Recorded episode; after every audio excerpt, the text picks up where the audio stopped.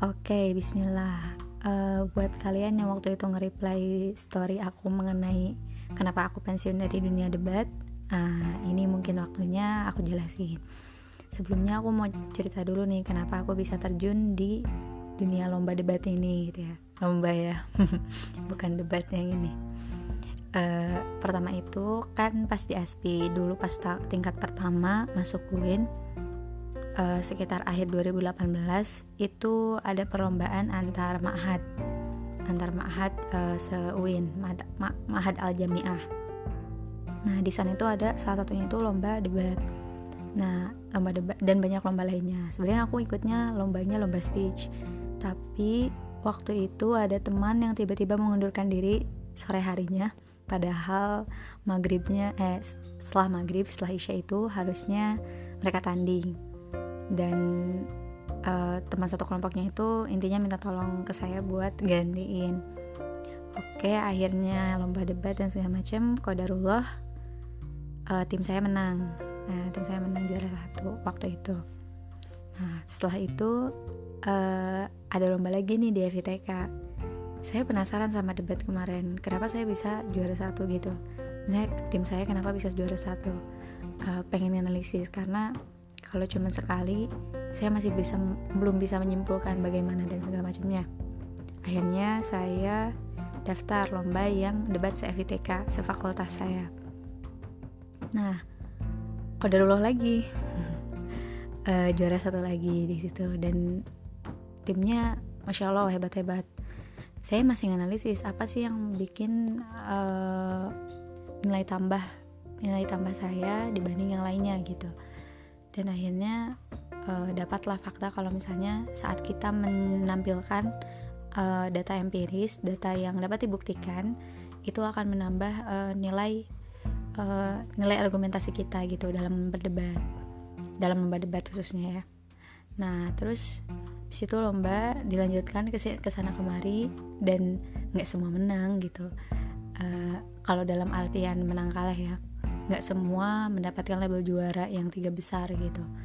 Uh, salah satunya ada yang label label penghargaan ada yang uh, kodarullah masuk tiga besar juga ada yang uh, apa namanya tidak sama sekali tidak mendapatkan uh, label juara itu tapi it's okay karena di situ banyak pengalaman banget. Bahkan pengalaman yang kita laluin saat ikut lomba debat itu bukan cuman antara menang kalah saat kompetisi tapi bagaimana mental kita tuh benar-benar kebentuk mental di mana kita bisa menerima segala konsekuensi antara itu kemenangan ataupun kekalahan. Mental di mana kita harus menyamakan persepsi dan chemistry antar kelompok. Dan mental gimana kita menyiapkan seluruhnya agar kita bisa berangkat lomba. Karena lomba debat itu kalau kita tuh uh, lombanya jauh-jauh gitu. Kayak Jakarta sih agak deket. Terus kita ke Jogja ke Makassar gitu. Jadi uh, butuh effort yang tinggi untuk uh, apa ya menjemput lah menjemput uh, rizki yang Allah siapin gitu ya buat ikut lomba debat ini gitu. Per pernah pakai uh, apa sih dikasih subsidi dari fakultas pernah juga uang pribadi. Karena waktu itu uh, sedang intinya mah udah tutup buku jadi nggak bisa pakai uang dari saya donasi atau segala macem gitu. Nah hmm, lanjut ya. Nah saat perjalanan debat itu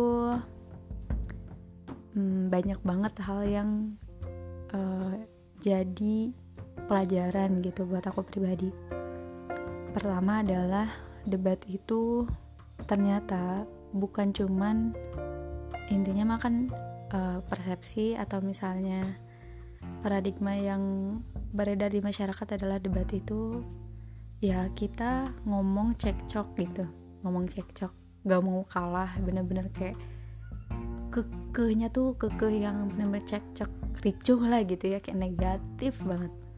Nah pas aku masuk ke dunia debat itu lomba debat itu uh, ternyata kita itu mungkin cekcok tapi lebih elegan gitu. Jadi uh, di sana itu tuh kita untuk berargumentasi kita tuh nggak bisa tanpa data gitu. Kita harus berargumentasi dengan data karena di sana juga akan kebentuk uh, saat kita berargumentasi tanpa data atau dengan logika yang kuat otomatis uh, kita akan memberikan statement yang kurang kuat gitu dan itu bisa digoyahkan dan tidak bisa dipertanggungjawabkan gitu. Kita tuh benar-benar harus bertanggung jawab atas apa yang kita sebutkan gitu. Nah terus yang aku yang aku rasain ya saat misalnya lomba debat saat aku misalnya dapat satu mosi mosi ini tuh kan kadang dapat pro kadang dapat kontra. Terus saya misalnya saya lebih paham kalau ini pro tapi ternyata dapatnya kontra gitu kan jadinya bertolak belakang. Nah debat itu melatih kita uh, melatih saya ya untuk bisa berpikir dari berbagai berbagai sisi berbagai berbagai aspek lah gitu. Jadi nggak bisa nggak bisa dari satu sisi doang. Karena kalau misalnya sisi yang lain kita nggak dapat kita nggak bisa nyari tahu apa yang benar di sini dan apa yang bisa kita angkat di sini gitu. Karena kalau misalnya kita mau nentuin satu argumentasi eh satu mosi terus kita mau berargumentasi di sana kita harus tahu limitasinya. Kayak apa sih yang mau kita bahas gitu biar nggak luas banget. Apa sih uh, apa solusi dari uh, masalah yang sedang kita bahas gitu. Karena ujungnya kalau misalnya debat ada solusinya biasanya itu penilaiannya lebih tinggi gitu dibanding debat yang cuman kayak menangis menangis aja gitu. Nah karena ya tadi solusi itu biasanya diambil saat uh, kedua belah pihak atau beberapa pihak yang ada di situ uh, apa ya bisa ngambil jalan tengahnya di situ lah sebenarnya. Nah makanya saat kita di pro kita ngambil satu uh, aspek atau satu hal yang mau diangkat. Dan itu benar menurut kita dan saat kita di kontra pun sama kayak gitu. Jadi dan saat kita misalnya ber, apa ya lomba debat nih saat kita ngobrol sama tim lawan uh, tim teman berpikir kita gitu ya itu kita benar-benar ngelihat dari aspeknya dia juga gitu karena kita juga menerka apa yang akan mereka sampaikan dan data apa yang mereka angkat gitu. Jadinya nanti bisa dilihat mana nih solusi yang paling tepat yang bisa kita tawarkan agar si permasalahan ini tuh bisa dipecahkan gitu. Kayak gitu. Tapi kalau di lomba debat tetap maksudnya pihak pro harus mempertahankan argumentasinya dan pihak kontra juga sama. Nah beda lagi kalau misalnya di, uh, di kehidupan nyata ya. Kalau kehidupan nyata di sana ada negosiasi gitu. Jadi nggak uh, semerta-merta kita benar dan kita tidak mau menurunkan uh, ego kita gitu. Kita tidak mau menurunkan uh, apa ya standarnya kita gitu. Nah kalau di dunia nyata jadinya tuh aku belajar. Kalau misalnya setiap orang itu punya batasnya masing-masing gitu. Jadi saat kita ngomong terus kita udah ngasih data yang empiris gitu kita udah udah uh, apa ya berusaha untuk me memberikan solusi terbaik saat misalnya orang itu tidak sampai ke situ atau mungkin ilmu kita yang tidak sampai pada orang tersebut ya kita akan berusaha menurunkan ego itu gitu. Kayak gitu akan berusaha menurunkan ego karena uh, bagaimanapun kita tahu setiap orang ada terbatas kita pun ada batas kita kita juga terbatas ada batasannya. Orang juga terbatas dan ada batasannya. Nah, tugas kita adalah untuk berdiskusi dengan cara apa sih dengan efek dari lomba debat itu saya ngerasa ada beberapa hal yang uh, jadi nilai gitu buat saya kalau misalnya saya jadi lebih mengerti bagaimana pandangan orang gitu. Saya bisa ngelihat dari berbagai aspek gitu. Uh, terlepas dari karakter ya karena karakter orang itu itu pembawaan diri beda sama karakter yang dia dihasilkan dari pengalaman gitu. Kalau dia dihasilkan dari pengalaman uh, kayak tadi yang aku jelasin kita bisa ngelihat dari banyak sisi sisi pandang segala macam pas mau nerima atau enggak dan segala macamnya itu urusan dari karakter pribadi yang manajernya diri sendiri gitu itu pertama oke okay?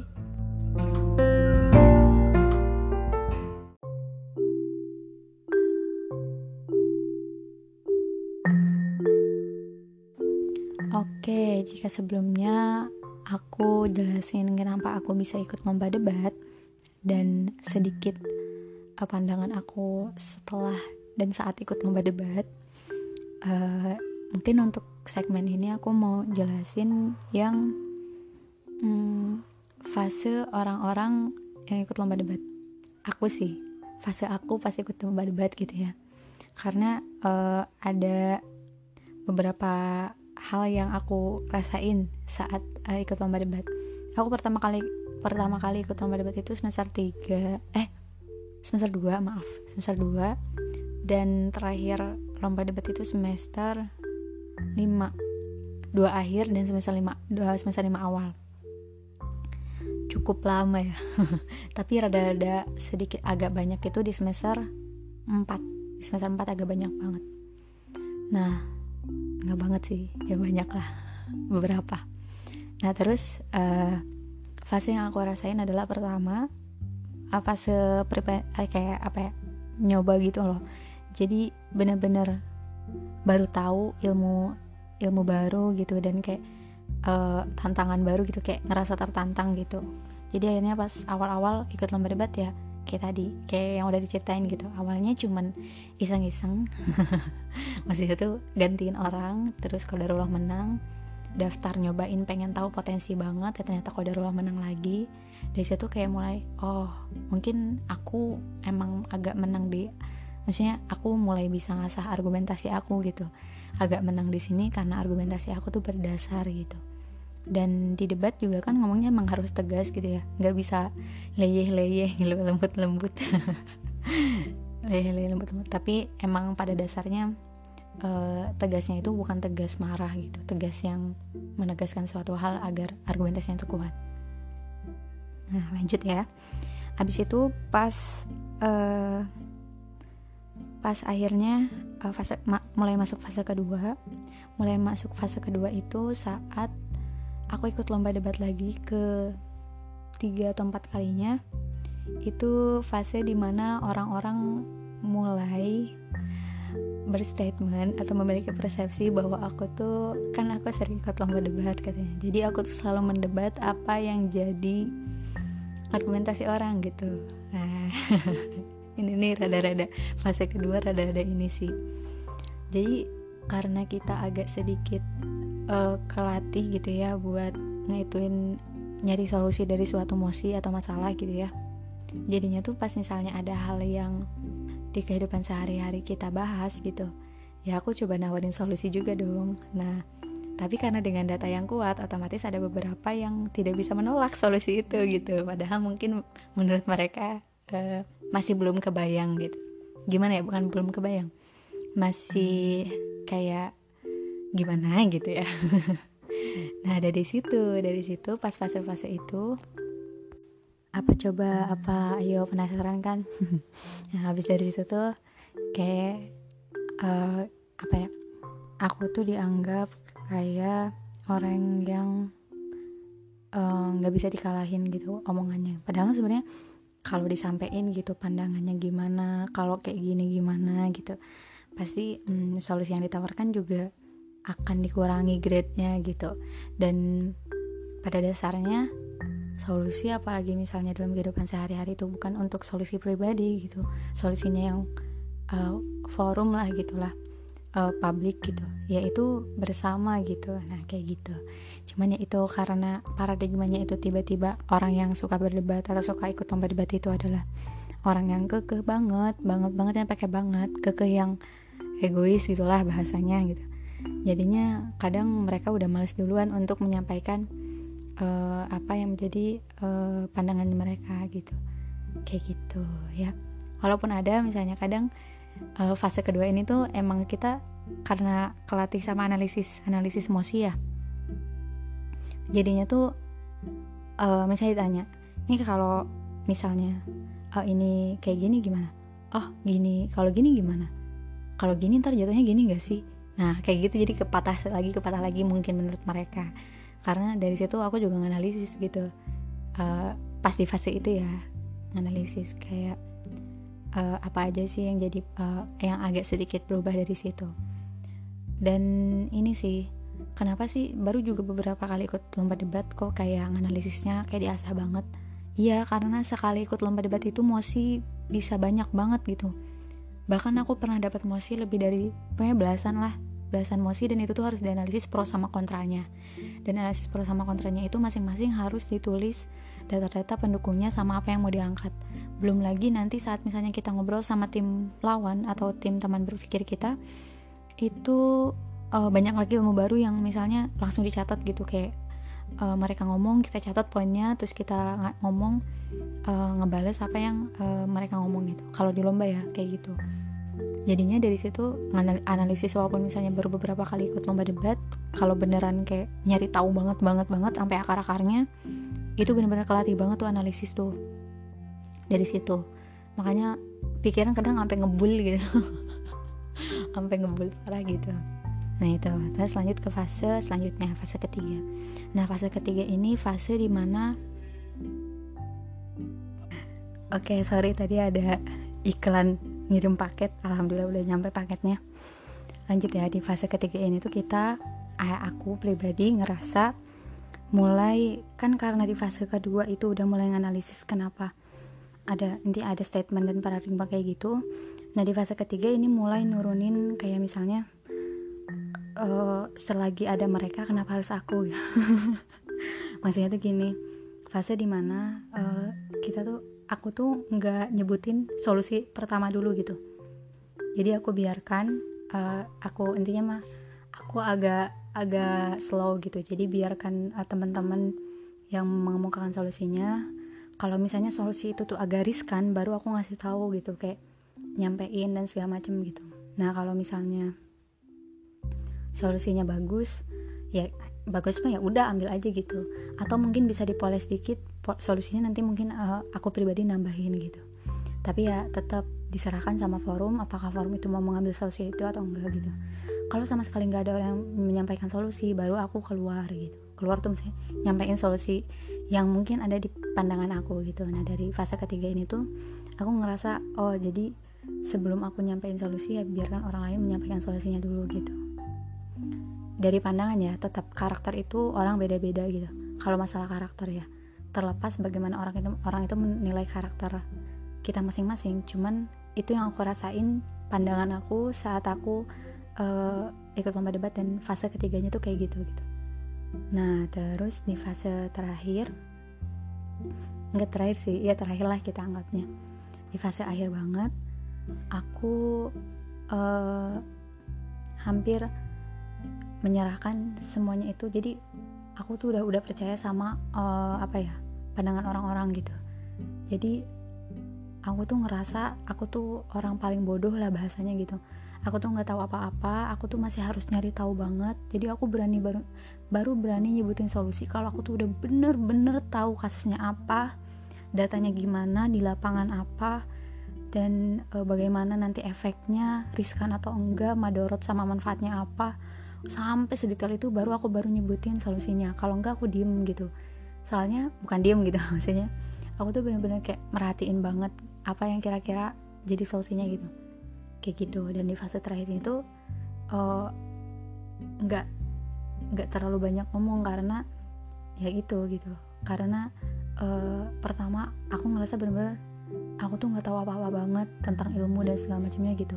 Jadi saat misalnya ada masalah segala macam aku benar-benar diam dulu baru ngasih solusi gitu dan segala macam gitu.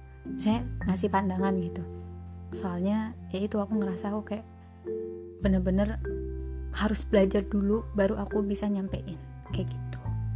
Itu fase yang aku rasain saat uh, mengikuti uh, iklan berdebat itu. thank you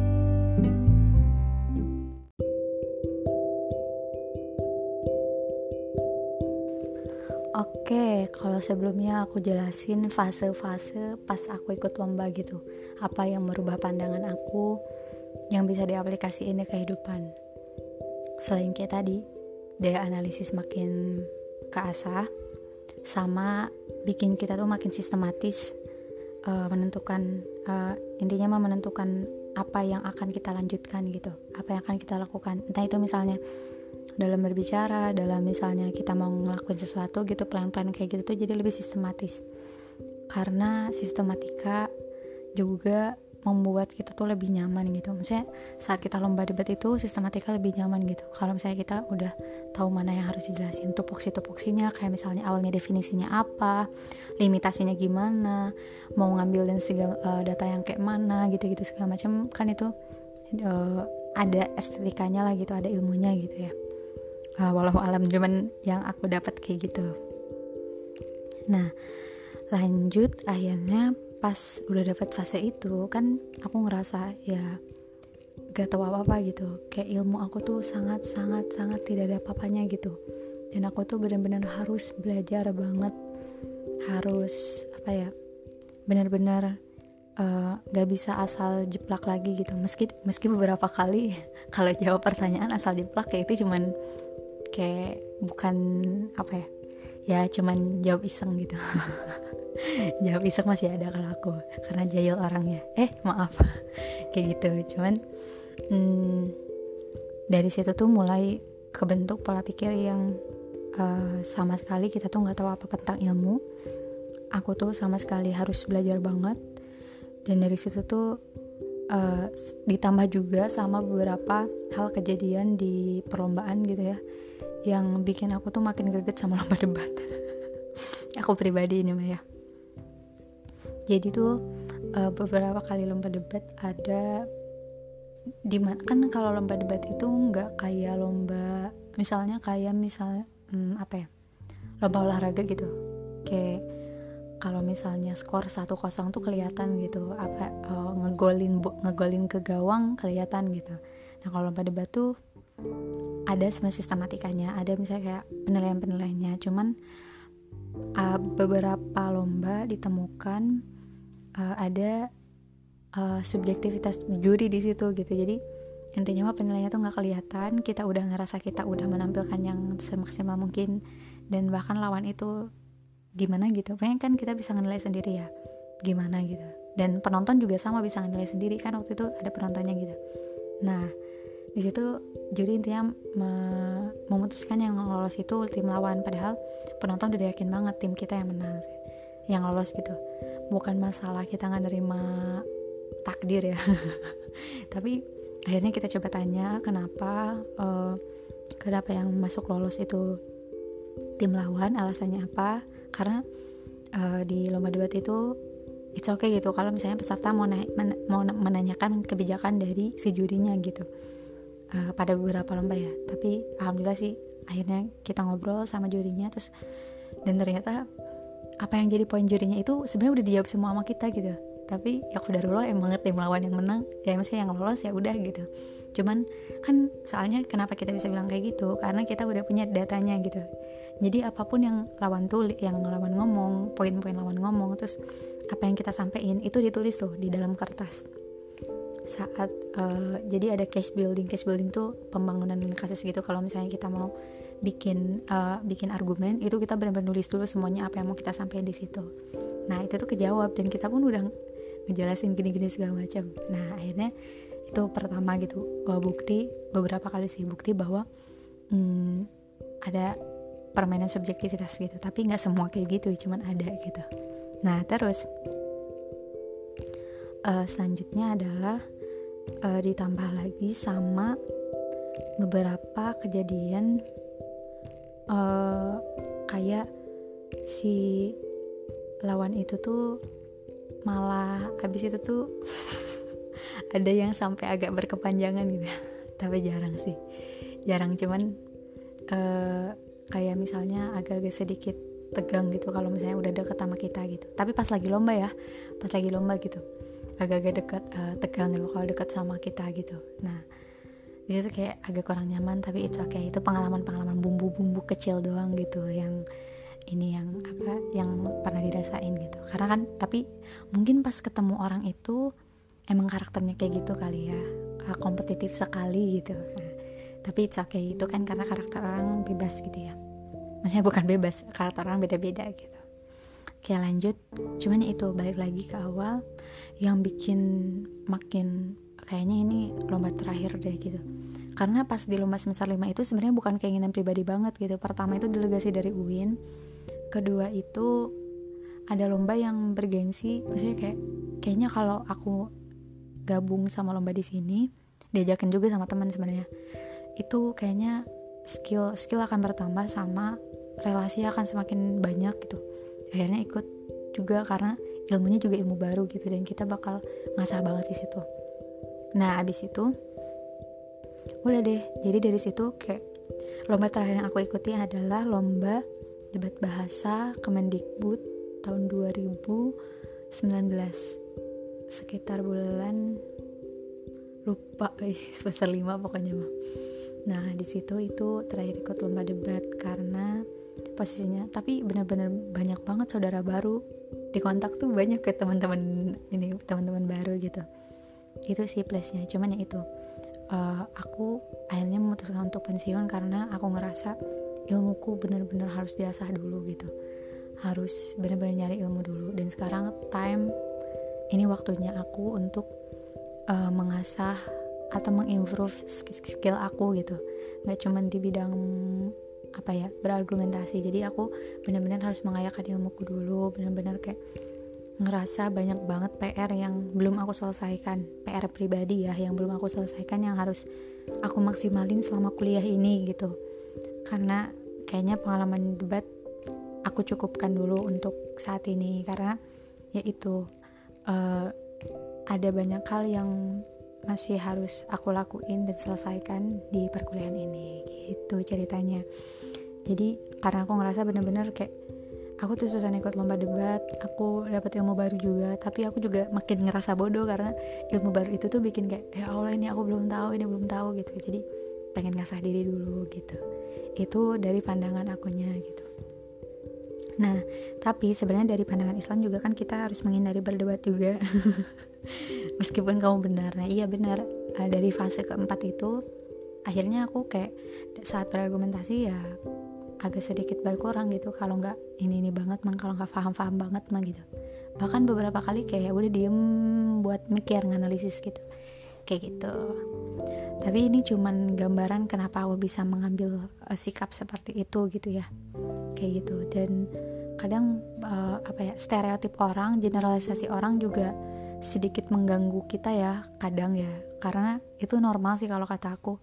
Kayak misalnya aku karena aku ikut lomba debat terus akhirnya orang-orang mikir kayak aku tuh selalu mendebat padahal sebenarnya gimana ya uh, biasa aja gitu nggak ngedebat gitu. Aku cuma nyampein apa yang harus disampaikan it's okay mau nerima atau enggak atau mau misalnya dikurangin atau dilebihin maksudnya dikurangin dilebihin tuh uh, dikasih solusi yang lebih baik atau di atau misalnya grade-nya dikurangi ya it's okay gitu.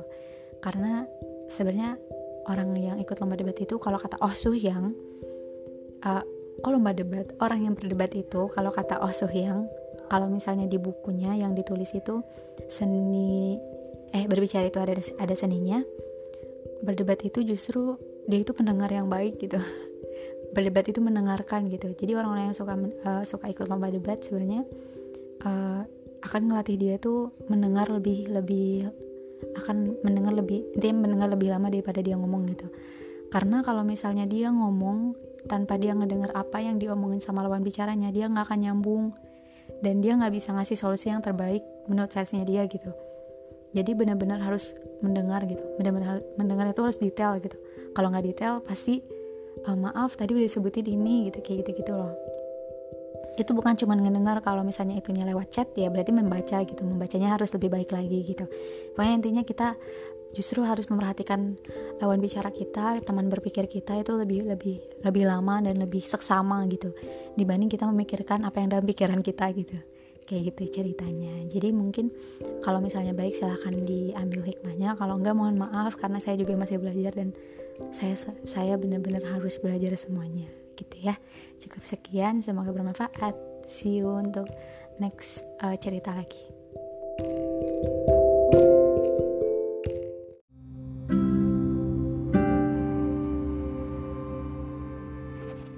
Dan penutup banget dari uh, pensiun lomba debat ini adalah aku mau berterima kasih banyak pada semua orang yang telah membantu dan uh, apa ya mendampingi proses berpikir aku gitu.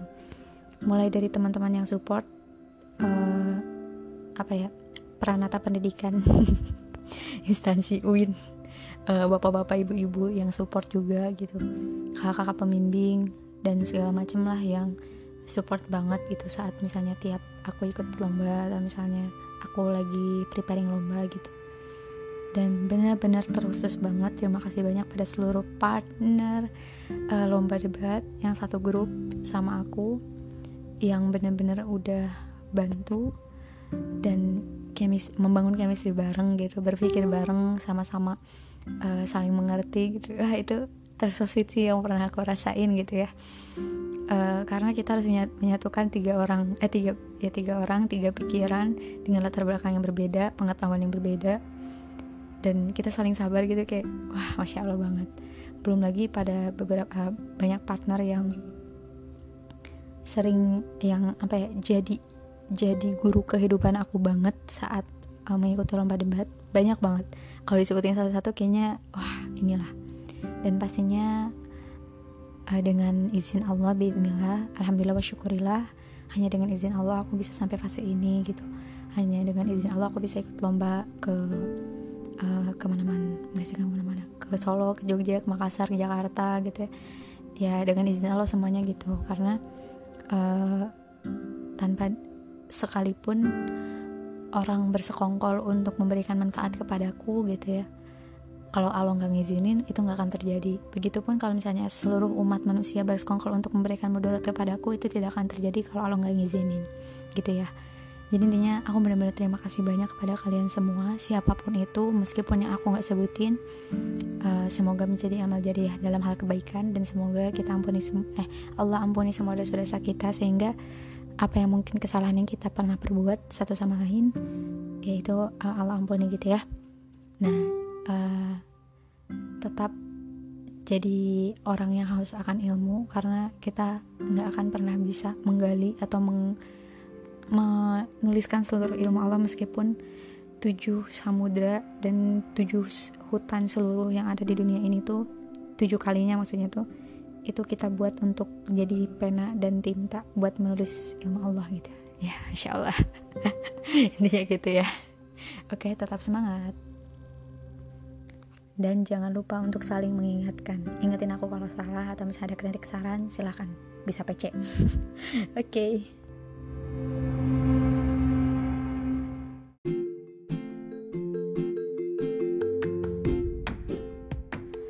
Bismillah, terima kasih telah berkenan untuk mendengarkan cerita dari saya di podcast kali ini. Kamu juga bisa buat podcast sendiri dengan download aplikasi Anchor di Play Store. Saya tunggu ya kreasinya. thank you